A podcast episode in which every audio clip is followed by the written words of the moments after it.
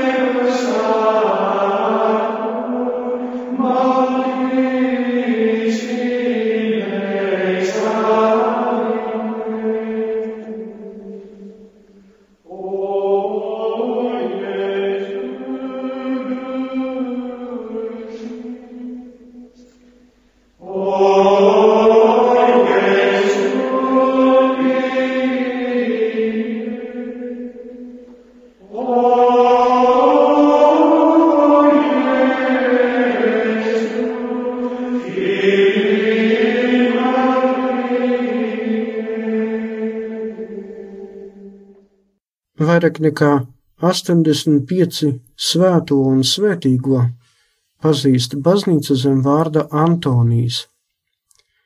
Un e, svētais Antonijs, par kuru tagad stāstīšu, ir viens no pirmajiem svētajiem apliecinātājiem, kura vārdi tika iekļauti svēto sarakstos. Svētais Antonijs, abats, Austrumu baznīca viņu sauc arī par Antoniju Lielo. Par šī svētā dzīvi ir uzrakstījis cits svētais, svētais Afanāsijas. Tas notika ap 300. gadu, tātad jau uzreiz pēc svētā Antonija nāves. Par svēto Antoniju stāstīšu šai raidījumā, jo viņa piemiņas diena baznīcas liturgiskajā dzīvē ir paredzēta tieši šajā mēnesī, 17. janvārī. Un tā svētais Antonijs piedzima ap 251. gadu Ēģiptē. Sekodams Jēzus evaņģēlija aicinājumam, Antonijs pēc savu pārticīgu un bagātu vecāku nāves mantojumu, kas viņam pienākās, pārdeva un iegūtos naudas līdzekļus izdalīja nabagiem. Savu jaunāko māsu viņš uzticēja aprūpei dievbijīgam sievietēm, nodrošinādams iztikas līdzekļus. Pats Antonijs, kā saka, bez graša kabatā devās uz tuksnesi, kur, izvēloties kādu alu par mitekli, nodevās klusēšanai, lūkšanai, rokdarbiem un gandarīšanas askēzei. Jāsaka, ka šāds radikāls solis, šāda radikāla līdzinējā dzīves stila un veida pārmaiņa nenāca Antonijam viegli. Viņam bija daudz jāizcieš, jāizcīna, jāstrādā. Antonija dzīves apraksts stāsta, ka viņš daudz cieta no ļaunā gara uzbrukumiem, jo vēlns nāca pie svētā, lai dažādos veidos viņu kārdinātu. Vēlns bija atnācis pie Antonija pat cūkas izskatā. Sākotnēji, kā jau teicu, Antonijs dzīvoja alā, bet nedaudz vēlāk pārceļies pāri sarkanajai jūrai, viņš izvēlējās dzīvi Pīspiras kalnu apvidu kādā no pamestajām pussagruvušajiem cietokšņiem. Ilgi būt vientulībā un dziļā klusumā Antonijam neizdevās. Pie viņa sāka iet dažādi un daudzi cilvēki, meklējami garīgus padomus un ieteikumus. Starp šiem nācējiem bija arī Nākamais svētais, svētais Hilārijs, jeb slāviskajā transkripcijā Ilārijas, Ilarions. Šādi svētais Antonijs ir kļuvis par pirmo vēsturē zināmo garīgo tēvu daudziem vientuļniekiem, kuri dzīvodami tuksnesī meklēja dieva klātbūtni. Šo mūku vientuļnieku apmešanas vietas vēlāk sāka saukt par erēmiem bet pašus vientuļniekus par eremītiem. 311. gadā izcēlās Kristīgās baznīcas pēdējās asiņainas vajāšanas, par kuru iniciatoru bija imperators Maksimijāns. Svētais Antonijs, atstājis tūkstnesi, devās uz Aleksandriju, lai stiprinātu ticībā un uzticībā Kristum vietējo kristiešu kopienu. Aleksandrijā viņš sastapās ar Svēto Aleksandru, šis pilsētas bīskapu un mocekļi. No Aleksandrijas Antonijs devās uz kalniem, kuri atradās ap 30 km no Nīlas. Tur Antonijs pavadīja savas šīs zemes dzīves pēdējos gadus, un tieši no turienes viņš aizgāja apciemot svēto Pāvilu vientuļnieku. 318. gadā Aleksandrijā ar savu maldu mācību sāka uzstāties priesteris Ārijs, iegūstot diezgan ātrā laikā daudz piekritēju. Norūpējies par ticības skaidrību, vēl toreiz dzīvojošais bīskaps Aleksandrs sasauca vietējo sinodi, kuras laikā simts klātesošie bīskapi nosodīja un atmeta maldus. Tomēr Ārijs atrada atbalstu pie šīs pasaules varenajiem, pat pie imperatora Konstantina Lielā, un vēlāk pie šī imperatora pēcteča Konstancija II, kurš pat iesāka cīņu pret tiem, kuri nevēlējās pieņemt ārija maldu mācību. Lai saprastu, kur ir patiesība, Antonijs vēlreiz devās uz Aleksandriju, kurā par bīskapu toreiz jau bija svētais Afanāsijas. Pēc satikšanās ar šo svēto bīskapu Antonijs skaidri ieņēma dievišķās atklāsmes pozīcijas, aizstāvja pusi un kļuva par Kristus dibinātās baznīcas ticības sargātāju. Tiek uzskatīts, ka svētais Antonijs piedzima debesīm 106 gadu vecumā, 356. gada 17. janvārī. Ir zināms, ka pēc viņa palika dažas viņa sarakstītās vēstules, par kurām runā svētais Hieronyms. Diemžēl neviena no šīm vēstulēm nav saglabājusies. 561. gadā Svētā Antonija relikvijas tika svinīgi pārnestas uz Aleksandriju, no kurienes vēlāk, 635. gadā, tās tika pārvestas uz Konstantinopoli. Bet 12. gadsimtā krustneši Svētā Antonija relikvijas aizveda uz Franciju.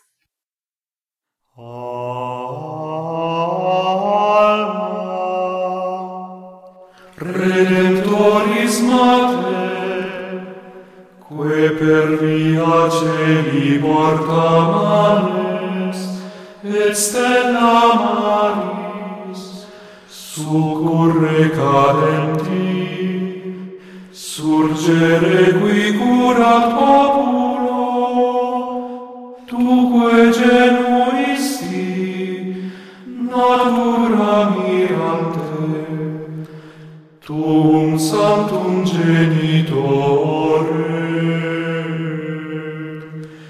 virgo prius ad posterius, Gabrielis amore, sumensi lodare, peccatorum miserere.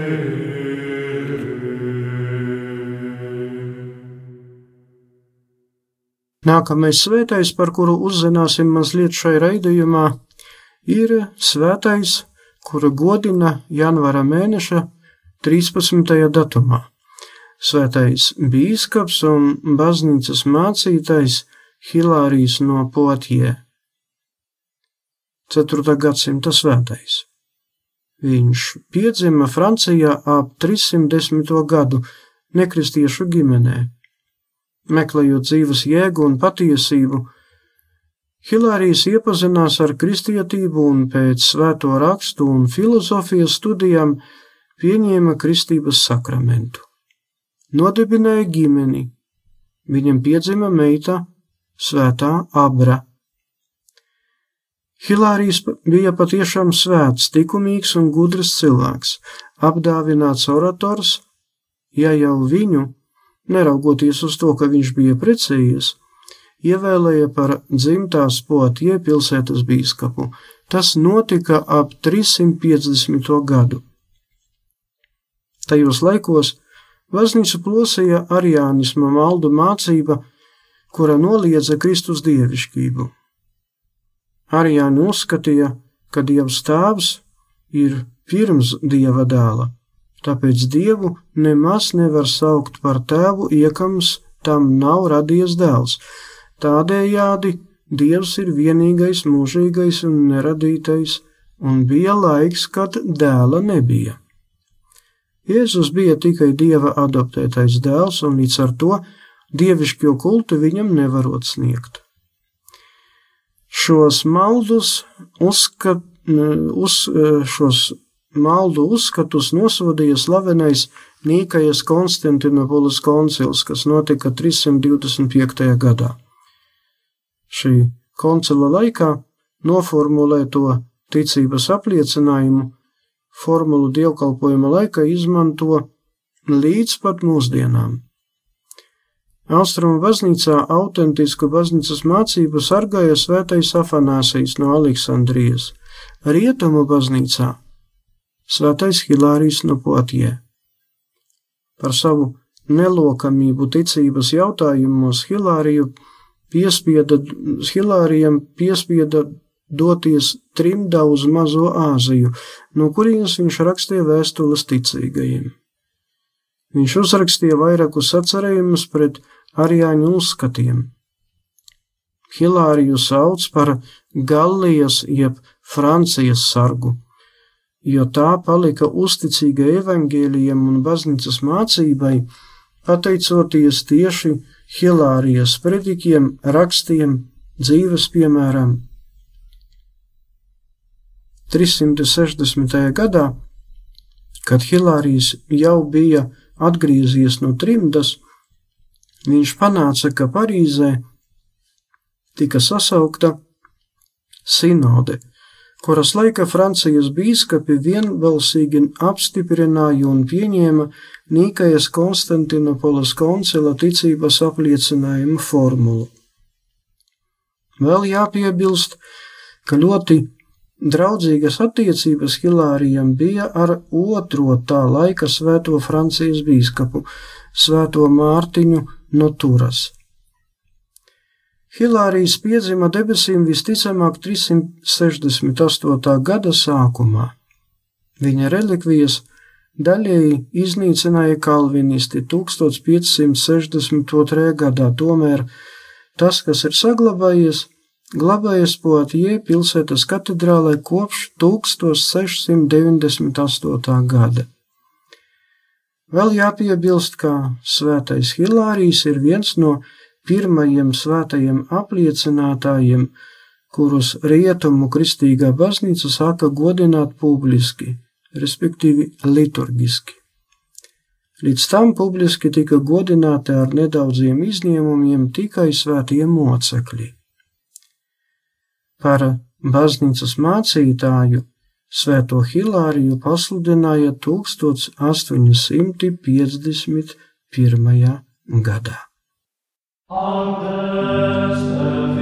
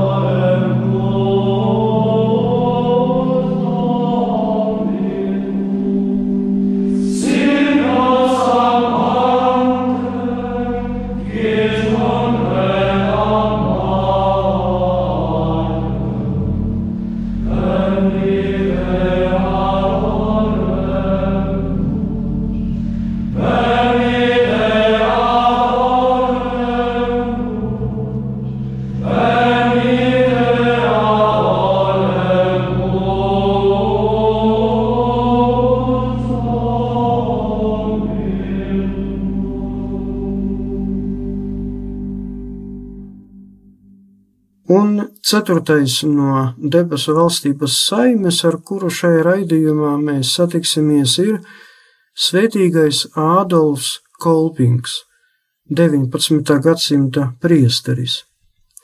Viņš piedzima Vācijā 1813. gada 8. decembrī pilsētiņā ar nosaukumu Kerpenā, nabadzīgu zemnieku ģimenē.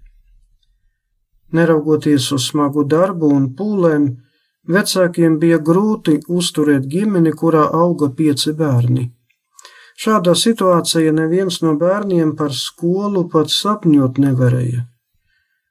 13 gadu vecumā Ādolfs iesāka piestrādāt pie vietējā kurpnieka. Ādolfs līdz ar to varēja apgūt kurpnieka arodu. Vēlāk Ādolfs strādāja arī pie citiem amatniekiem un apguvis vairākus arodus, devās darba meklējumos uz Kelni, kura atklāja un iepazinās ar strādnieku un algāģu sūro dzīvi, netaisnību, naidu, varmācību un pazemojumiem. Tur, Kelnē, Ādolfa sirdī piedzima un izveidojās aicinājums uz priesterību. 1837. gadā Kelnē, pārvarot daudzas grūtības un problēmas, Ādolfs iesāka un arī vēlāk pabeidza skolu. Tad studēja teoloģiju, filozofiju, bet Pabeidzis 1845. gadā garīgo semināru, viņš tika iesvētīts par priesteri. Par viņa priesteriskās kalpošanas vietu kļuva pārsvarā protestantu apdzīvotā Elferbergas pilsētā. Pastorālais darbs norisinājās starp strādniekiem, amatniekiem un algāģiem. 1849. gadā viņu pārcēla uz Kelni par katedrālas vikāru. Pateicoties svētīgajam Ādolfam, starptautiskā jauniešu organizācija Kolpingverk, kuru viņš vadīja un iedvesmoja, mūsdienās darbojas vairāk nekā 40 pasaules valstīs.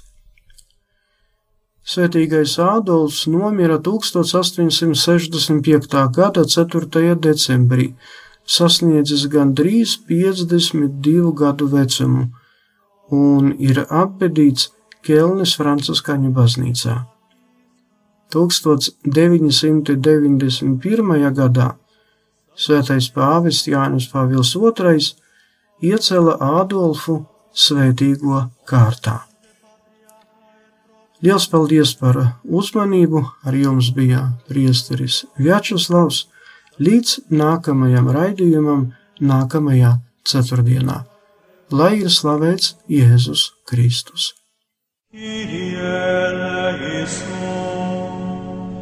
Raidījums Svētie. Katrā laikmetā ir dzīvojuši daudz svētie, un katrai paudzei tie ir un paliek kā dzīvās ticības liecinieki. Mocekļi, apliecinātāji, vīri un sievas, jaunieši un bērni. Svētie ir tik dažādi, gluži kā mēs, bet ir kāda īpašība, kura visus svētos vieno. Viņi mīlēja, mīlēja Dievu un cilvēkus. Raidījums par svētījumiem ir stāstījums par Dieva mīlestības reālo klātbūtni mūsu dzīvē. Santa Trinitas unos Deus, miserere Pablis, Santa Maria, ora